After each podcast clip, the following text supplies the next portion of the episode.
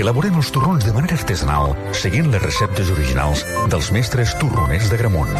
Torrons Vicenç. El torró. Torró.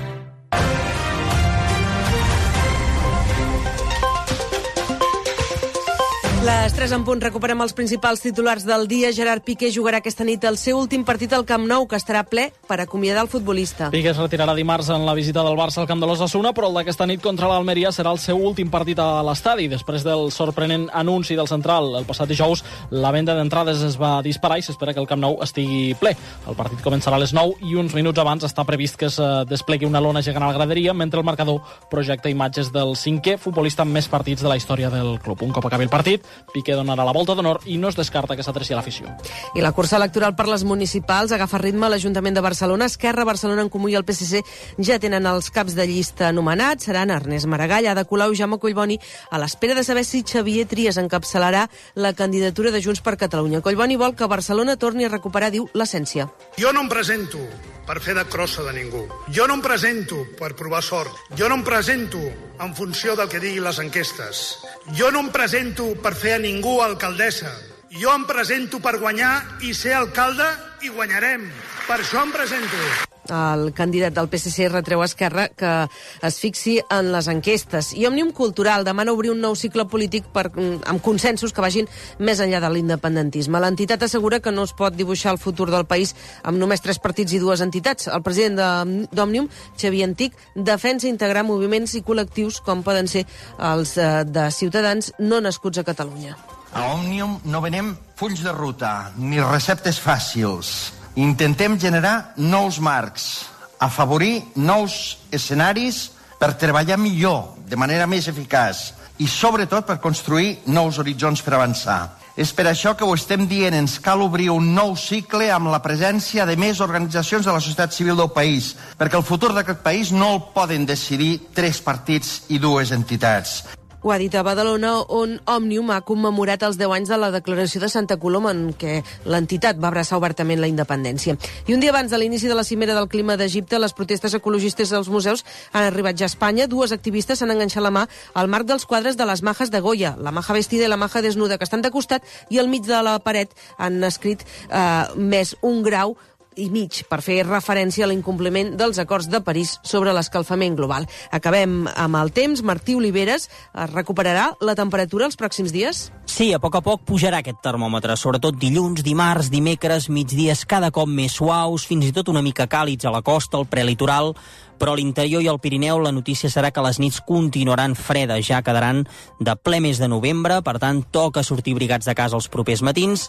De dia sí estarà molt bé, amb aquest sol que ha de continuar dominant tant aquesta tarda com demà, només amb el permís d'alguns núvols poc importants i aquest vent que ja sí que va perdent força i quedarà més circumscrit als dos extrems del país.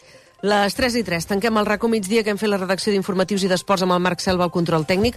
A partir d'ara continuarem pendents de l'actualitat, els butlletins i els avanços informatius. A partir de les 6, el Superesports amb el Xavi Puig. A partir de les 8, amb el Barça Juga Recul, Barça Almeria amb el Joan Maria Pou. I per rematar-ho, el Tu diràs amb el Dani Aguilar fins la 1 de la matinada. Això és tot per ara. Bona tarda.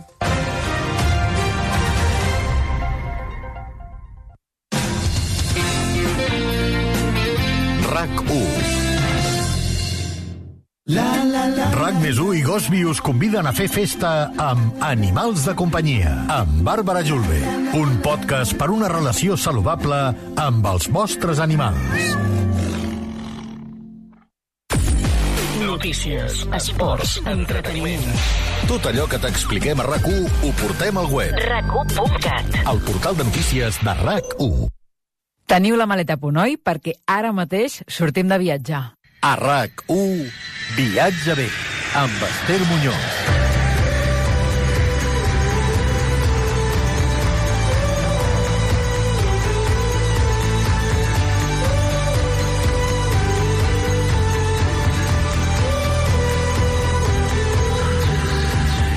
Molt bona tarda i benvinguts al programa de viatges de rac Avui farem un doble viatge. En primer lloc agafarem un avió i marxarem cap a l'Àfrica, en concret per descobrir la República de Benín, on hi tenim una catalana, l'Elisa Echegaray. I després agafarem un tren, un tren de la xarxa de Renfe Sensef.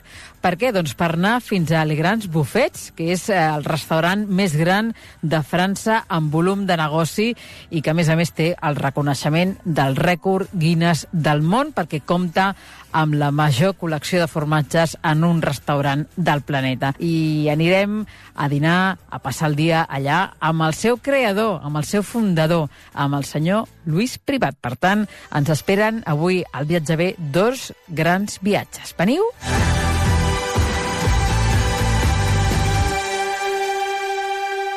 I ara Vueling ens porta volant al Club Viatger. Descobrim quines són les últimes novetats sobre viatges.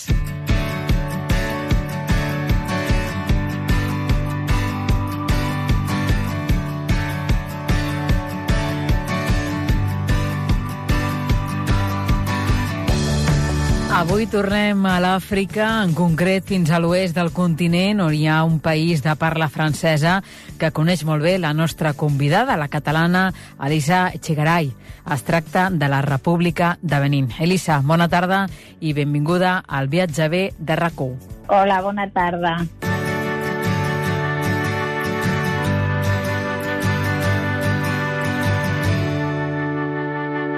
Bé, ara mateix et tenim a Catalunya, tenim a Canet de Mar, eh, on tu hi vius normalment, però sí que és veritat que passes moltes temporades a Benín, a l'Àfrica. Así es. Em vaig a l'Àfrica...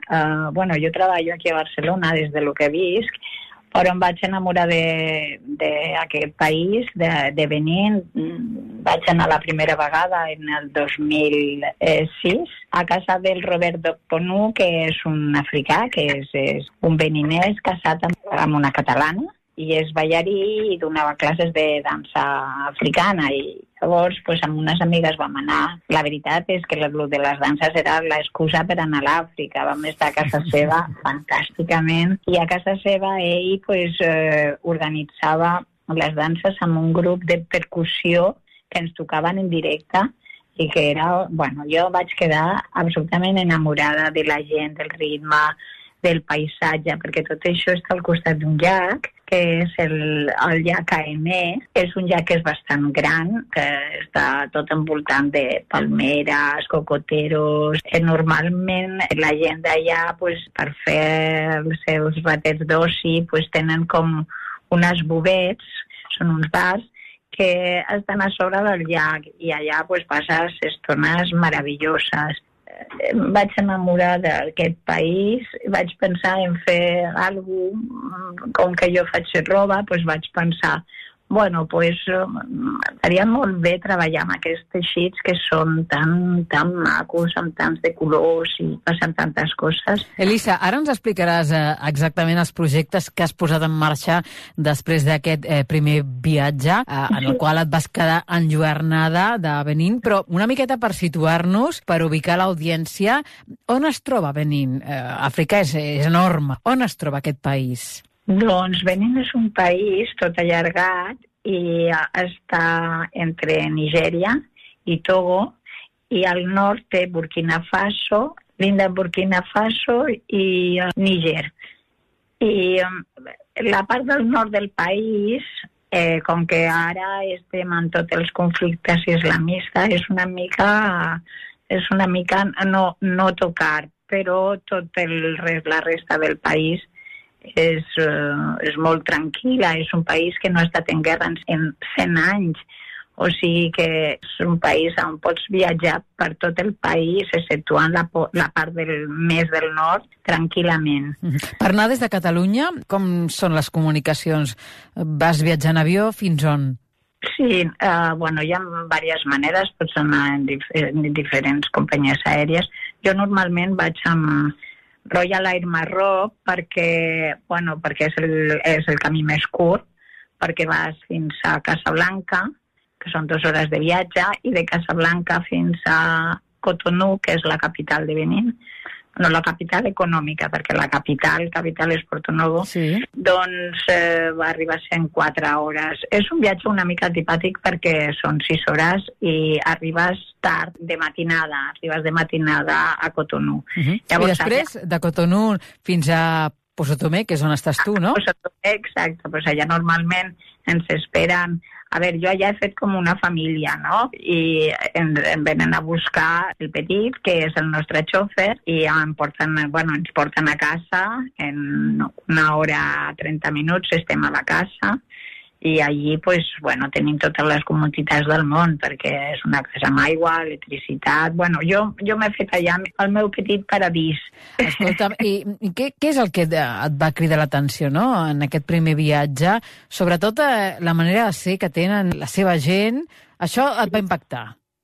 Sí, la seva... Bueno, és que és un pa paisatge humà que és com, és com reprendre els nostres ancestres, saps? Una mica perquè tu, o sigui, jo quan vaig passejant per l'aldea, les cases són d'adobe i no, no, tenen, no tenen portes o tenen unes portes així que estan sempre obertes i, i, i, les, i, i les famílies cuinen el seu sopar, bueno, cuinen eh, normalment ahir al, al pati de la casa, que tu, tu bueno, tens accés a la vista, no?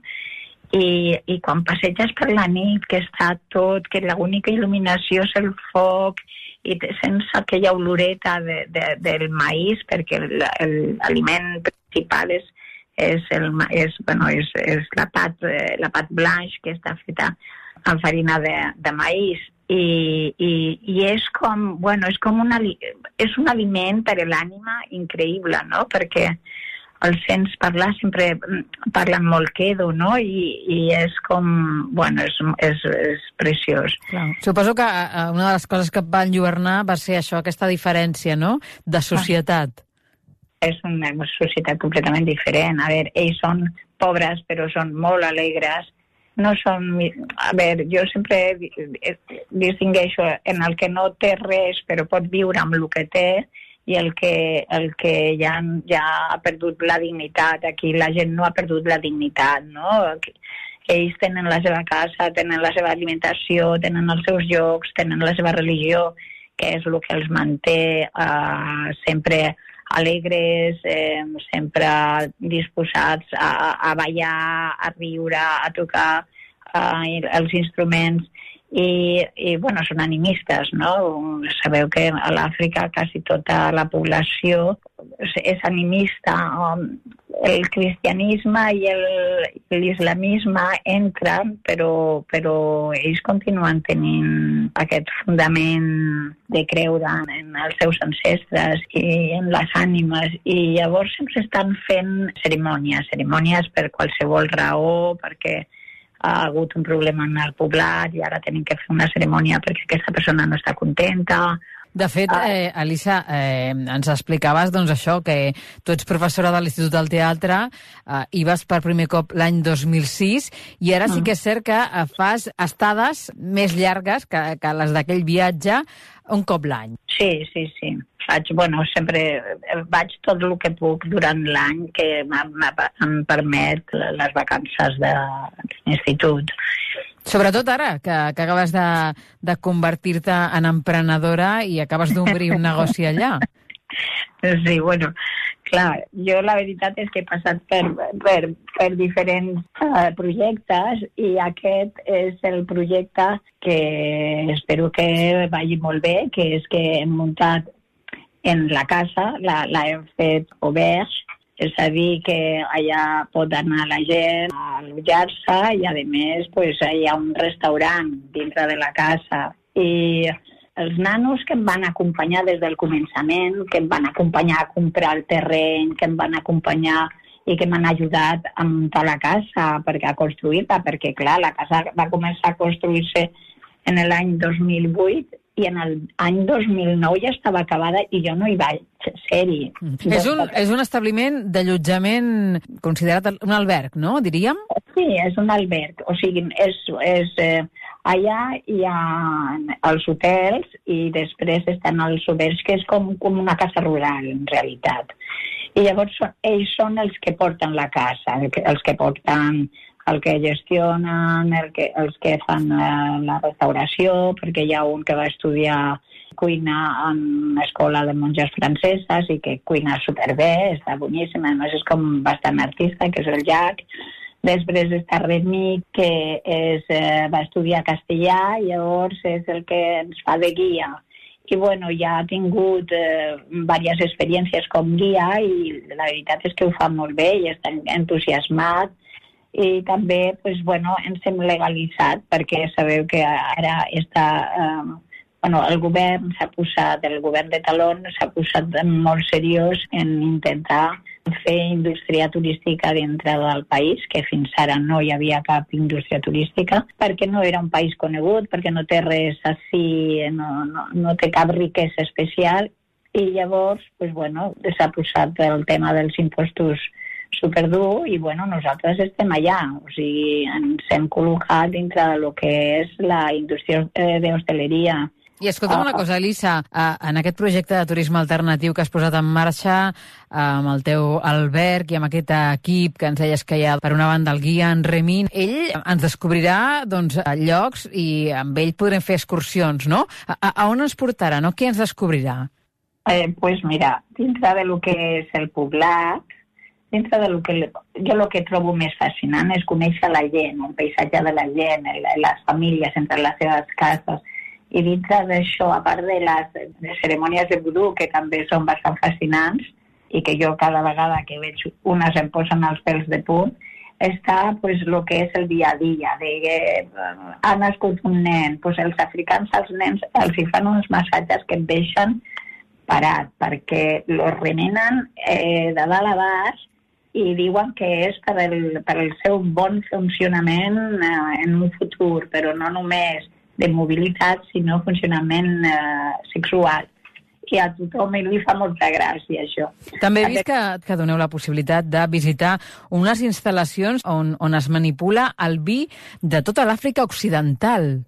Sí, sí, les, bueno, el, el vi que es veu a, a tota l'Àfrica Occidental, que és a base del de, vi de palma, el que surt de la, de la palmera, aquest vi de palma és el que produeix una beguda que es veu en tota... bueno, però que a Benín és boníssim, que es diu sudaví. És una beguda, és un, aguard, és un aiguardent molt potent, que ells en beuen molt, i que està boníssim, i és el sudaví, i que ve del vi de Palma. De hi ha un llibre que s'anomena així, El bebedor de vino de Palma, i allà pots anar a veure com primer treuen el vídeo... bueno, jo de fet tinc un, una pàgina eh, en Instagram, tinc una publicació de com treuen el, el vi de palma, que és, bueno, és un líquid blanc, i després pues, fan això al sudavin. Mira, l'Instagram que el tinc aquí és Elisa Oue, Oue escrit amb H-O-U-E, per si la gent eh, el vol visitar i, i vol veure doncs, tota aquella informació que teniu penjada. Eh, també, abans que en parlàvem no, de, de totes les of ofrendes que fan els déus, hi ha una visita que és la d'anar mm, a veure les diferents pintures que ofereixen allà els déus. Ah, sí, eh, bueno, a veure, és que és tota una cultura de déus i de, de sacrificis i de, i de figuretes eh, a les que les vesteixen, a les que li donen de beure aigua o el que sigui, les veus, les figuretes que tenen en els seus temples, tenen petits temples que li dediquen pues, a, als seus fetitxes, bueno, ha, és tota una cultura superrica que jo ara no em puc posar a explicar, però, però que si em vas allà, el Remi us explicarà tot el que són tots els déus, com funcionen entre ells i com, i, i, i com es celebren les diferents eh, rituals, com, com, eh, com es celebren i aquí, eh, aquí estan dedicats. Clar, quedarem impactats no? per, per aquest xoc cultural. Sí, això és que és una festa contínua, molt de color, molt de vestuari, fan uns vestuaris que et dius no en tenen res i fan uns vestuaris que et quedes amb una imaginació brutal. De fet, eh, tu també, Elisa, ara hi contribueixes, no?, en tot el tema de la roba, abans ens ho explicaves, no?, una de les primeres coses que, a més a més, vas començar a fer quan vas arribar a Benín va ser confeccionar la teva línia de roba. Sí, Mm, sí. Com- Com va anar? Com va anar? En realitat és que va ser una idea que, bueno, que era robes africanes amb dissenys occidentals. I, bueno, vaig tenir bastant d'èxit el primer any, però després va venir una crisi i la cosa no va anar tan bé. Però després d'això jo he continuat fent roba i ara el que faig més, o l'he apartat una mica, aunque continuo fent camises, perquè les camises a tothom els hi agrada molt, i unes jaquetes així molt xules, unes sudaderes. Ara he començat una línia infantil amb, amb tints naturals. Allà eh, jo treballo, quan vaig, treballo i bueno, també faig cursos de 10 dies de tints naturals amb una dona, la Madame Delfín, que és la maestra tintorera, i la Madame Delfín, la seva àvia, eh, coneixia totes les propietats de les plantes i de la coloració de les plantes. I ella ho ha heredat i la veritat és que eh, és un luxe el poder treballar pues, amb, amb índigo, amb teca, amb... Bueno, hi ha... Ha són? moltes- Són plantes autòctones de Benín, aquestes? Eh, i tot, tot són plantes, plantes au- autòctones de les d'on traiem el vermell, el blau, el taronja, el, el groc, i bueno, eh, jo ara ja estic en aquest punt, però aquest és un punt més personal meu i el que vull és impulsar el tema de, de l'obert perquè, bueno, ara si és veritat que hi va gent a l'Àfrica Occidental, eh, pues bueno, sempre es necessita un allotjament, no? Escolta, Melissa, abans ens parlaves d'aquestes instal·lacions on es manipula el vi de palma, que és la, la base del que una vegada destil·lat es converteix a sudaví, que és la famosa beguda alcohòlica beninesa eh, i de tota l'Àfrica Occidental, però, a més a més, hi ha altres coses a fer aquí, eh, en aquest país, eh, sobretot també eh, si tenim en compte doncs, la, la, la seva cuina, que, a més a més, tu ens ho explicaves, no?, que teniu el vostre xef, en Jax, que prepara plats que són fusió de cuina africana i també continental. Amb, amb quines propostes ens sorprendrà, Elisa? Eh, bueno, uh, esta, a mi m'encanta la pat blanche, però la pat blanche es pot combinar amb de tot. I llavors ell què fa? Fa un peix a la brasa, peix del llac, fresc, boníssim, eh, que el fa a, a la brasa amb verduretes i, bueno, ensalades, i en voleu, ensalades molt riques en... Bueno, allà també en tenen l'esenciable, no? tomàquets, tenen pebrots, tenen uns aguacates que estan boníssims i les combina també amb mango i amb, i amb també fa eh, una especialitat que a ell li agrada molt fer, són el, fa les brochetes amb, de porc, de carn, de peix, de gambes, boníssimes també. Tot quilòmetre zero. Eh, sí, quilòmetre zero, tot. Eh, Totalment, tot. totalment, sí, sí.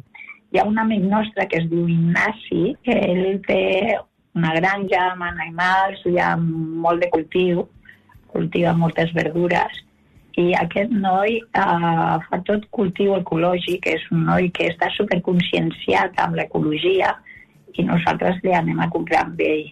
I bueno, les mongetes, jo sempre demano mongeta verda perquè m'encanta, la mongeta verda és, és espectacular. I més, bueno, tampoc són menjars massa, eh, massa elaborats. Hi ha un que també és boníssim, que és el, el piron, que, bueno, que en França també existeix, que és a base de farina de- d'un tubèrculo que es diu yuca i que eh, també és, és molt, molt bo. I això és amb unes salses i amb el peix a la brasa, si el vols a la brasa, o si el vols cuinat a la, a la salseta. Bueno, hi ha moltes maneres de fer-ho, sí. Elisa, estem acabant, però vull que abans eh, d'acomiadar-nos em parlis una miqueta d'aquestes aigües termals eh, que teniu a Posotomé, que també jo crec que poden ser un gran atractiu a nivell turístic. Ah, sí. A Pozo Tomé, eh, igual que a Bopà, hi ha unes aigües termals que són propietat del poblat i tot el poblat gaudeix d'aquestes aigües. hi ha dos fons a dintre del poblat. Un està a Guassatopà i un és, bueno, estan tots dos al costat del llac, però amb una diferència d'un quilòmetre i mig, dos quilòmetres. I a mi m'encanta perquè bueno, no, no hi ha, no hi ha uh, puestos per anar a banyar-se. Tot el poblat va allà a buscar l'aigua, aigua per rentar la roba, aigua per dutxar-se ells mateixos, i es dutxen allà, tots els nanos es dutxen a la tarda, van allà a dutxar-se, l'aigua és supercalenta, i jo per no crear massa eh, expectativa entre la població, jo em vaig a primera hora de la, del matí a dutxar-me.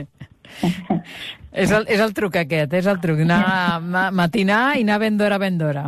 Eh, ben d'hora, ben d'hora, però sempre es formen cues allà al darrere tothom. Van amb unes, unos baldes eh, eh, per omplir-los d'aigua per portar a casa seva, perquè normalment ells no tenen aigua corrent, però tenen aquesta aigua tan fantàstica i que realment després de la dutxa, d'aigua calenta, calenta, calenta, et quedes nou, eh? però Sí, sí. nou de veritat. És terapèutica.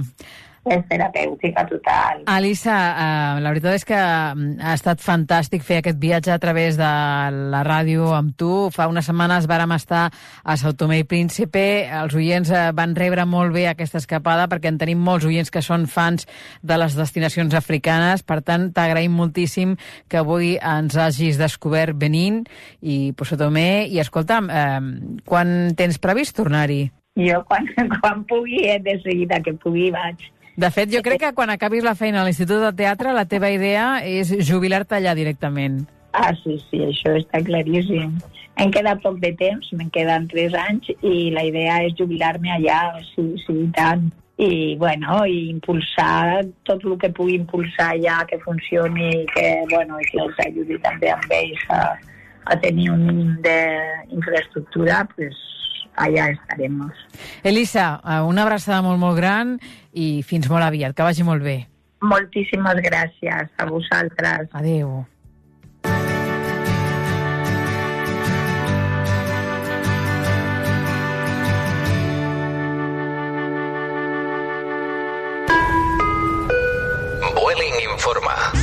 Consells i inspiració per al teu proper viatge.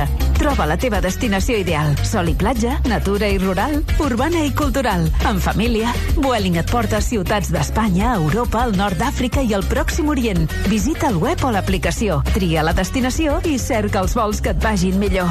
Inspira't amb Vueling. RAC 1. Atenció, atenció. Se fa saber que cada dia de 12 a 1 del migdia hi ha un programa a la ràdio realitzat per una colla de desustanciats i pocalatges. La competència. Així se diu el programa és, sí. Catorzena temporada. 14 temporades? Estos duren més que un borratxo despedint-se. Amb Òscar Andreu i Òscar Dalmau. Carnusos!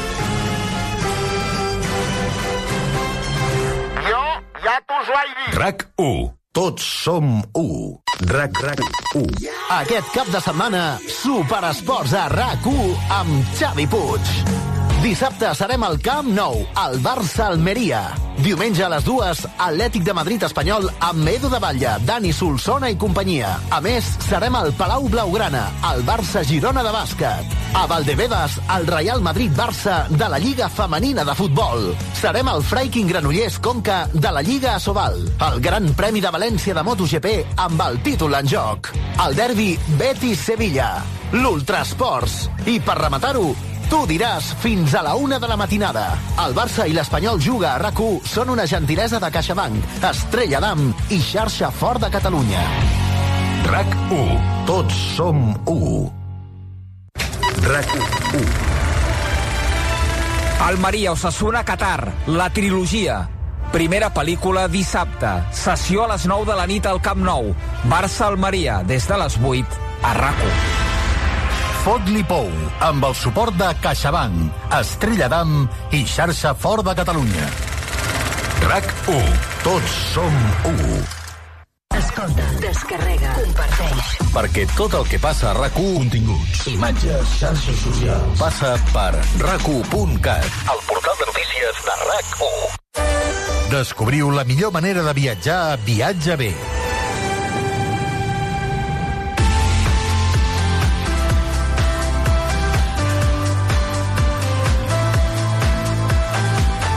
Sintonia de mapa rac sintonia de concurs, i això vol dir que és el moment de resoldre el concurs que vàrem convocar fa justament una setmana. Si recordeu, posàvem en joc un premi gentilesa de turisme de Palafrugell. Concretament, sortejàvem un menú per a dues persones per tastar l'esniu, un dels plats més emblemàtics dels restaurants de Palafrugell, Tamariu i Llafranc. Doncs bé, per participar només us demanàvem que ens diguéssiu què estàveu fent el passat pont de l'1 de novembre, cap de setmana per alguns només, o fins i tot dia festiu, i la veritat és que hem rebut moltíssimes comunicacions a través d'Instagram, de Facebook, de Twitter i també del correu electrònic. Per tant, Josep Maria, farem rodar el bombo i aquí tenim l'afortunat o afortunada. Es tracta d'una afortunada i es diu Carme Gaspar. La Carme, que ens segueix a Twitter i que ens enviava un missatge amb una fotografia junta d'un paratge preciós, ens deia molt bon dia i bon pont a Palafrugell, al cor de l'Empordanet. Aniré a menjar l'esniu amb Adrià Barotel. La Carme estava a Palafrugell i haurà de tornar-hi doncs, allà o, si no, a Tamariu o, per exemple, a Llafranc, en algun d'aquests restaurants que han començat ja la seva campanya des del 14 d'octubre i fins l'11 de desembre de 2022. Podeu fer aquests menús amb vermut, amb tres tapetes, amb les postres, l'esniu, el vi, l'aigua i el cafè. Enhorabona, Carme. Contactarem amb tu quan acabi el programa i a la resta d'oients, doncs, estigueu molt atents al programa per si en tornem a fer de més sortejos. I si teniu moltíssimes ganes de provar l'esniu, ja ho sabeu, teniu aquesta pàgina visitpalafrugell.cat barra gastronomia barra campanyes gastronòmiques, la campanya esniu. Aquí teniu tota la informació. Que vagi molt bé. Adéu. rac us està oferint Viatge bé, amb Esther Muñoz.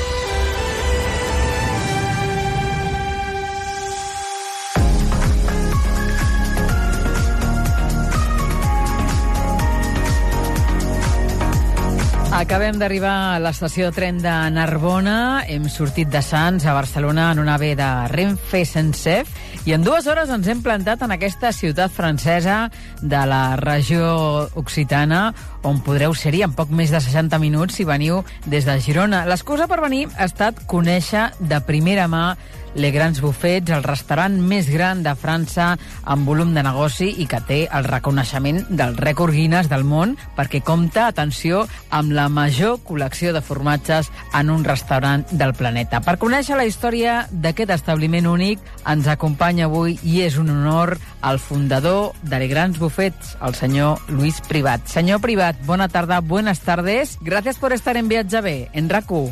Es un placer para mí de recorrer en, en Narbona en el restaurante del Gran Buffet. Buenas tardes. Buenas tardes. Bienvenido, bienvenido en, en Narbona y en Gran Buffet. Y bien hallado, porque eh, primero de todo me gustaría saber, eh, señor Privat, ¿han recibido ustedes muchos comensales durante las últimas semanas? Sí, sí, un, un verano magnífico, eh, mucho, mucho cliente como comensal y muchos de, de España y de Cataluña, mucho, mucho. Eh, para nosotros el verano es un- una, una fiesta de la comida porque hay mucha, mucha gente. Esta ruta gastronómica eh, se ha convertido ya en un fenómeno, en todo un fenómeno. ¿Tienen calculados eh, los clientes que pueden haber recibido ustedes en el último año para que la gente se haga un poco la idea? Sí, sí, son muchos, son 360 mil eh, eh, en el año, son mil cada día. Pero cuando se dice eso, hace falta eh, hablar de calidad, porque cuando dice son mil comensales cada día, y si dice es un buffet libre, es una, una comida a discreción, a voluntad, eh, para la gente se parece un restaurante eh, de, de, de, de nivel eh, de calidad muy baja. Y los bufetes es el contrario. Los grandes bufetes son la calidad que, que se, se prima de todo. Exactamente, ustedes eh, no son un buffet al uso como mm, los conocemos tradicionalmente, sino que son un buffet eh, que se centra en la alta gastronomía tradicional francesa. Sería un poco esto, ¿no? Sí, es, eh, eh, es una oferta que enseña al público toda la variedad de la, co- de la cocina francesa, de la cocina tradicional hasta la alta cocina con preparaciones muy emblemáticas de Francia, que son el pato al sangre, que es el lièvre a la royale, le, le vol au morille et riz de veau, eh, es la gran tradición, pero sobre todo eh, eh, es una fórmula que, que queda accesible, es lujo, pero accesible. ¿Estos eran los platos, eh, señor Privat, que, que tomaba la burguesía? Sí, y la burguesía cuando hace comida de fiesta, no, no cada día, es una comida de fiesta. Cuando se va al Gran Buffet es para hacer la fiesta de la comida. Tenemos una, una fórmula que, que es escrita en frente de la rosticería que se llama haz lo que quieres. Es una fórmula de Gargantua. Y, y eh, lo que quiere es para enseñar que es un día particular de fiesta de la comida y eh, lo que proponemos es, es una fórmula de, de un alto nivel de, de la comida de fiesta y fiesta antigua con todo lo que se podría encontrar sobre la- las gran mesas de, de fiesta de una época eh, ya que ha pasado. ¿Qué- ¿Qué época era esta? ¿Eran eh, los siglos XVII y XVIII? ¿Reproducen ustedes recetas Sí. tradicionales de aquella época? Sí, de- un poquito de toda época, pero uh, la explosión de la cocina francesa es el siglo XIX. Eh, los gran cocineros, Escoffier, Carême, eh, que son eh, gente muy, muy ilustrísima de, eh, de Francia, eh, fue el eh, siglo XIX. Pero la alta cocina empieza verdaderamente al siglo XVIII y empieza con el, un poco el rey eh, Luis XIV y son eh, hay, es una, una cocina muy espectacular muy teatralizada eh, y, y se codifica poco a poco para hacer una, una cocina burguesa de alta calidad. Nosotros eh, conocemos eh, Le Grands Buffet sobre todo a raíz de la aparición de, de este establecimiento en un programa de televisión de la televisión española que era Masterchef. Y, y a partir de ese momento fuimos muchos los que mm, tuvimos conocimiento de su existencia, pero la verdad es que el origen del buffet se remonta al año 1989 cuando usted decidió abrirlo. ¿Cómo le surgió la idea hace 33 años, no? ¿Por qué pensó en este negocio, el de un buffet? Sí, he hecho eso porque me gusta mucho el buffet y me, me gusta la, la, variedad. Pero cuando hemos eh, abierto el restaurante, eh, el nivel de calidad no estaba el mismo. Se, subió poco a poco y el público eh, cada vez prefirió la versión de calidad que la versión de, antes. Y poco a poco eh, hemos, eh, yo he entendido que el, público le, le gustaba mucho eh, este eh, ascensión eh, hacia la, calidad. Y para mí es una casi obsesión eh, de, de- del bien comer. El bien comer y el buen servicio. Y eh, es una, para mí, sí, digo una obsesión, pero es verdad. Eh, y eh, hace falta construir eh, un restaurante a donde la gente sea muy bien. eh, y de- descomplexado, no sé si se dice así. Desacomplejado, sí. Exactamente, que se puede venir eh, para su placer a un precio que es accesible y que se puede ver el lujo, la, la comida de alta calidad, el vino de alta calidad, porque, porque eh, habitualmente lo sabemos, el vino es muy, muy caro en el restaurante y nosotros lo proponemos al precio de la bodega y el público se puede hacer mucho placer con un vino de alta calidad que se va a pagar como si le compra a la, a la bodega de la, de la propiedad. Y eh, eso es único. Y todo eso hace que se puede hacer eh, y pasar un muy, muy buen momento eh, a los gramófilos. De hecho, en, el apartado de vinos, como usted nos comentaba, um, nos ofrecen una selección de 70 referencias de los mejores, también, también del champán francés, como nos decía, a precios de bodega y servidos en copa, ¿no es así? Sí, toda la copa, toda la botella. La botella de champán eh, en la mesa es, son 25 euros. Es un, un champán o Cordon Rouge, son de alta calidad y es por eso que el público viene y hace la fiesta. La fiesta de la comida empieza con el aperitivo al champán, se, se va a seguir el champán durante toda la comida y es una fiesta. Eh, y con eso los productos de, de, calidad de la tradición francesa. Y para los españoles es una manera de, de conocer eh, más bien la, la, toda la, la, paleta de la, de la cocina francesa, porque creo que para cada país eh, conocemos una pequeña parte de su eh, de lo que sabe hacer bien. Yo conozco la, cocina española, pero no, no conozco todo. Y eh, cuando un español viene a Francia se puede ver una, eh, una variedad, variedad muy importante de lo que propone la historia de la cocina francesa. Uh -huh. Vamos a repasar algunos de los elementos eh, importantes de su establecimiento. Cuentan ustedes, por ejemplo, uh, con la mayor colección de quesos de calidad en un restaurante del mundo. Uh, es una colección que además han conseguido diseñar en cuatro años de trabajo. Me gustaría saber uh, cuántas variedades de, de quesos um, hay ahora mismo en Le Grand Buffet. Y, ahora mismo ¿sí? son, son casi 120, porque decimos eh, son 111, porque son 3, 1, 1, 1, 1, pero la, la, la realidad son eh, 120 porque hay eh, unos que a veces no, eh, no son aprovisionados y hace falta siempre tener el mínimo de 111. Y son, es difícil de probar todo. Sí, no. Una gran tentación para los para las personas a las que nos gusta el queso, ¿no? ¿Cuántos de ellos son españoles, eh, señor Privat?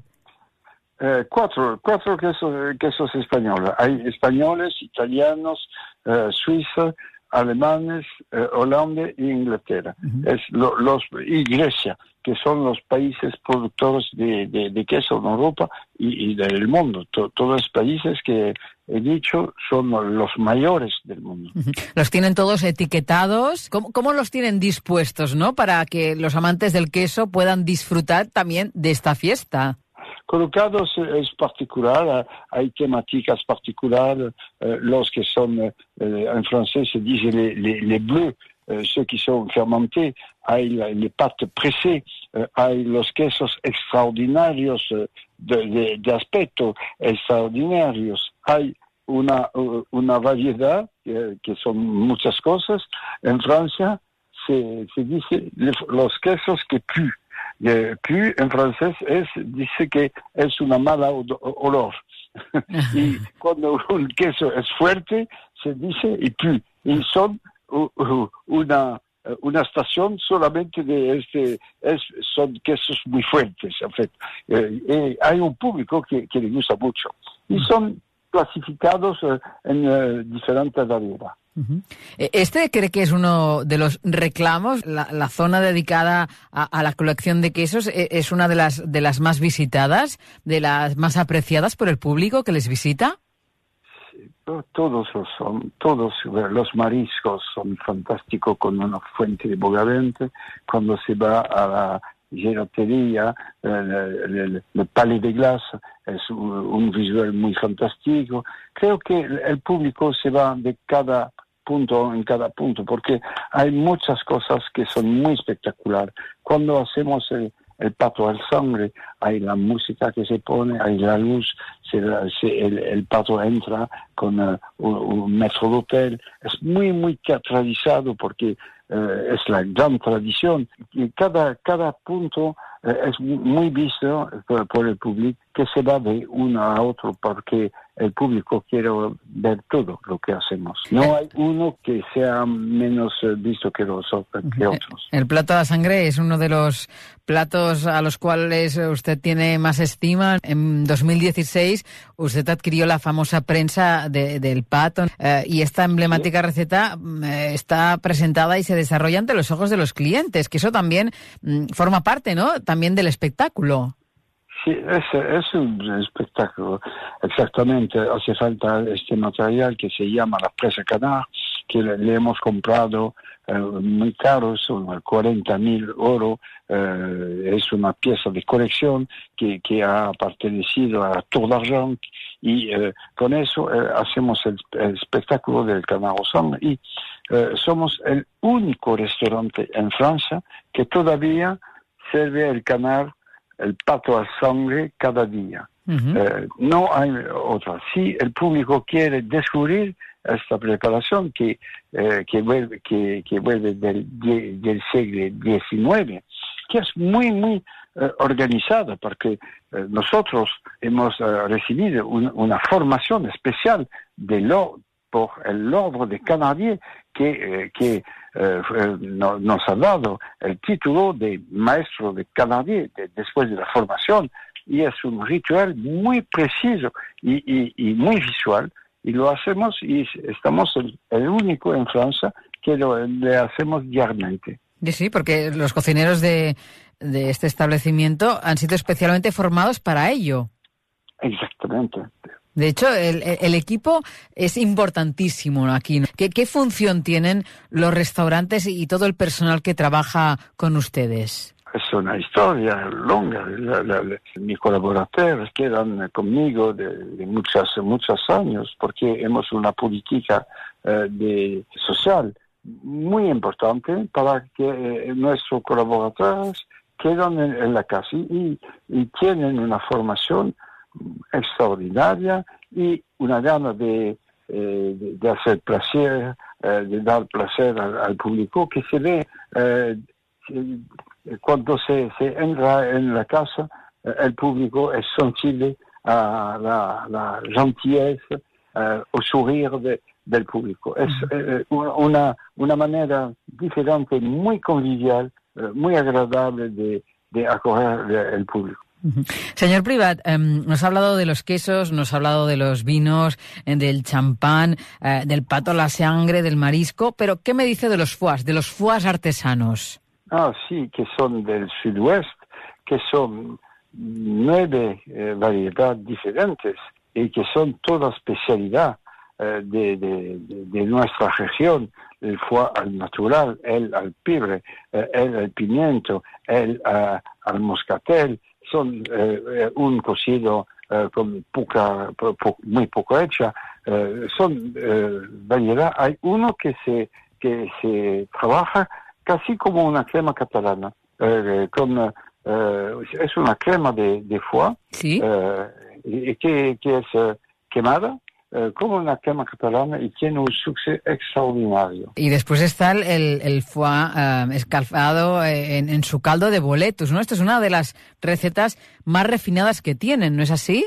Sí, sí, sí, sí, sí. Pero la gente le, se va a probar todas, ¿eh? eh se va a entender, no solamente uno o otro, porque son especialidad eh, de, de, alto nivel y, y, es, una, es una experiencia. Porque cuando se hace una, una seta con nueve variedades, cuando se, se, va a hacer la degustación, nunca se puede hacer una degustación de, de nueve. Claro. Eh, y, y, eso es un, la especialidad los buffets, c'est permitir hacer de experiencia, es verdad con el, con, el foie, verdad, de, con el queso, con los jamones. Los jamones son nueve variedades diferentes de, de, de, de jamones que se puede probar y hace falta eh, ver uno que es de, de, esta región, tenemos dos de España que son eh, de, de nivel eh, de, de edad diferentes y se puede ver la diferencia que hay de un que es de 10 meses y otro que es de eh, 18 meses. Eh, es una experiencia de degustación. Y ya para poner el colofón i- iríamos a, a la zona de los postres. Eh, aquí una de las últimas eh, novedades es su nueva heladería, que es un lugar mágico. ¿Qué tiene de especial, señor Privat? Ah, hay tres lugares que son especiales para los postres. Hay, hay la presentación de los postres tradicional y eh, pues, también de los postres que llamamos de las abuelas. Es una, una gran presentación con una fuente de, de chocolate y, y frutas. Eso es el primer lugar. Hay, hay un lugar que es el Palais de Glace, eh, que de, de mármol, de, de, de- con eh, todo dorado, eh, de un, un estilo antiguo, y eh, son les coupes glacées, la pêche melba, la poire de l'Hélène, le café liégeois eh, y tous les desserts glacés. Eso es un palacio eh, de, de, de marbre eh, y de- y d'or. Y después nous avons la crêpe Suzette. Es otro lugar a donde hay un maître d'hôtel que hace la gran tradición, la, la crepa, que con el flambaje de la, de la crepa y que hace este ceremonial de la crepe Suzette. Es muy espectacular. En definitiva, que usted considera que, que la mesa francesa es un patrimonio, ¿no? Esto, mm, ¿cómo lo explicaría? ¿Qué quiere decir exactamente? Sí, es un patrimonio, eh, eh, porque eh, eh, la comida francesa fue a- al patrimonio mundial de, de la UNESCO, eh, pero es un patrimonio, pero ahora son únicamente les mesas de palacio, eh, de gran mesa eh, que proponen y nosotros hacemos una proposición de esta eh, comida de, de fiesta, esta comida muy tradicional, pero accesible. Es la, gran diferencia. Y eh, hace, hace falta saber que tenemos tan preparaciones diferentes que es una, una solución porque la gente ahora, una mesa de cuatro personas, ninguna come la misma cosa. Hay que no comen eh, carne, hay que no comen mariscos, hay que eh, solamente eh, una cosa u otra. Y lo que proponemos es que cada uno se puede encontrar lo que, lo que prefiere. Es la diversidad. Cuando se habla de buffet, la gente imagina cantidad, mucha, mucha comida, mucha comida. Pero no calidad, ¿no? Pero no calidad. Pero Claro. más que ca- cantidad, es la variedad que es importante. Si, cuando- si tenemos 50 postres diferentes de, de abuelas, pero es porque hay personas que, que le gustan cosas diferentes y es la diferencia que, que, que, que, se, que le gusta, es la variedad. Y cuando son 10 personas que comen, cada uno podrá comer entrantes, postres, el plato caliente, diferente. En un restaurante hay pocas proposiciones en entrante, en el plato caliente y cada uno come casi la misma cosa. Para nosotros es la variedad. Cuanto bien tú, tú es seguro que se- te va a encontrar la preparación que te gusta lo más del mundo. Por supuesto, sí, sí. Eh, por una parte, eh, una de las características de Grans Buffets es eh, esta, ¿no? Eh, la, la calidad a precios asequibles, pero luego está todo el aspecto relacionado con el arte, ¿no? El arte de los salones, de las cocinas. Usted es un entusiasta del arte, de hacer eh, de su establecimiento un lugar especial eh, y sobre todo lo ha intentado durante la pandemia, ¿no? Momento en el que aprovechó para hacer obras, para crear nuevos espacios como es el Salón Doré. Sí, el Sol Doré es una, una novedad, eh, es nuevo, pero siempre hemos eh, ah, hecho de decor, eh, de comedores muy, muy eh, decorados, con- en cada uno obras. Cada comedor tiene el nombre de un artista. Es eh, Anne Carrington, porque es una artista inglesa. Es Max Leverrier, que es un, un gran artista eh, de los artes decorativos de los años 20 eh, durante la exposición universal de Francia. Y cada comedor es decorado con las obras del artista de referencia. Y el Salón Doré es Jean de La Fontaine, que es un escritor muy importante en Francia. Y eh, esta dimensión artística, y no únicamente artística, hace falta que eh, sea artista que se, se puede entender por el gran público. No es eh, un, arte de abstracto o conceptual es de arte decorativo de alto nivel.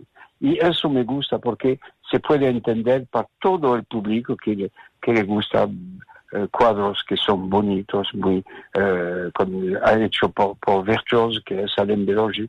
Y eh, eh, todas las obras de arte participan a la decoración de cada comedor que, que tenemos. Y el arte es un, una necesidad porque cuando se va a comer y a hacer una comida de fiesta, hace falta que el decor sea real. ¿Cómo funciona el tema del el acceso a los diferentes salones? Mm, si yo quiero ir al Salón Doré, mm, ¿puedo ir cualquiera eh, pagando su ticket? Sí, ¿Puede acceder? Sí. Primero hace falta saber cada comedor es del mismo nivel, nivel de decoración. Hay unos que gente prefiere y otra, pero eh, son del, del, mismo nivel de, de calidad. Y eh, es el momento de la reservación cuando se, se, dice quiero una mesa de dos personas para el, el 13 de abril, eh, se va a ver la disponibilidad que queda en cada comedor si eh, tiene absolutamente ir a una, un, un, comedor del Salón Jean de la Fontaine, se mira, hay plaza o, no hay. Si no hay, eh, será por una, una próxima vez. Eh, hace falta cambiar la reservación. Pero no hay eh, suplementos, son los primeros que se sirven. Uh -huh. En estos momentos, si alguien quiere hacer su reserva, ¿para cuándo se la daría? ¿Hay mucha lista de espera? Ahora eh, no es verdad por cada, cada tipo de, de, mesa, pero son casi tres meses, seis meses, se, según los, los weekends, son llenos, llenos. Eh, en semana hay más posibilidad, se puede encontrar posibilidad de, de, de, no sé, 30 días, 40 días, pero hace falta saber que hay, no sé cómo se dice en español, desistement hay mesas que reservan y que después anulan, eh, anulan, anulan, anulan. Y eh, el público que eh, que mira que, que, queda una vigilancia para ver si no hay mesas que se llegan y que se son anuladas, hay que que me dice, oh, yo he podido tomar una reservación tres días antes. Hace falta ser muy vigilantes y se puede obtener mesas a, a, poco tiempo. Estar pendientes. Eh, señor Privat, ya que vamos a Narbona y comemos en Le Grand Buffet, eh, ¿qué nos recomendaría conocer, visitar de la ciudad? Ah. Ah, es una muy, muy bella ciudad. Creo que se puede ir paseando en Narbona, eh, el centro histórico de Narbona y la catedral, eh, el Museo Lapidaire. Hay hay poco tiempo hemos eh, obtenido el, precio de la eh, el mercado eh, la, la, boquería la más bella de Francia. Es una obra de, del siglo XIX y hay una vida fantástica adentro, se puede comer, se puede beber, se puede comprar marisco, eh, carne, se puede ver toda la, comida que se comen los franceses. Es un mercado muy típico y, y muy interesante y, bonito. Eh, hay la catedral en Narbona, muy famosa, y cuando se es a Narbona, es muy cerca del mar. Y el mar, hay la ciudad de Gruissan, eh, muy, muy celebrísima porque son cabanas en madera, no son casas, son uh, de madera que se ponen sobre, la, sobre la, la, la, la playa. Eh, es una, una urbanización muy, muy espectacular. Y hay el mar y se puede ir también, hay un museo extraordinario de la humanidad porque Narbona fue la primera hija de Roma de Roma durante la ocupación romana.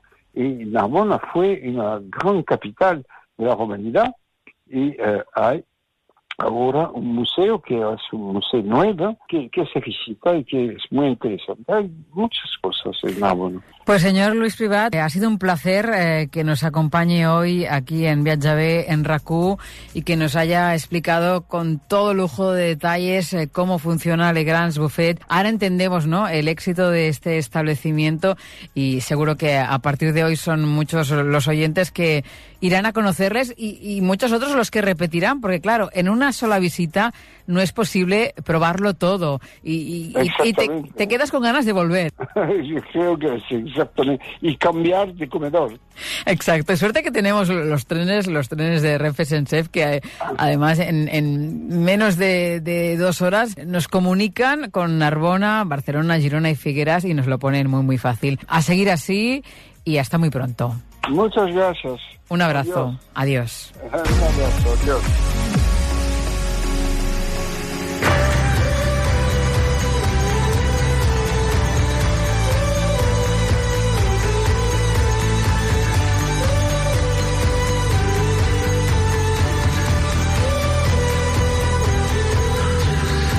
Fins aquí les nostres escapades d'aquest dissabte 5 de novembre al Viatge B. Salutacions meves i del Josep Maria Cases a la realització tècnica que acabeu de passar un molt bon cap de setmana i recordeu que ens retrobem, si voleu, el proper dissabte 12 de novembre a les 3 i 3 de la tarda. I sou tots convidats. Us hi esperem. Que vagi molt bé. Senyores i senyors, en nom d'Ester Muñoz, gràcies per viatjar en Viatge B a rac i fins dissabte que ve.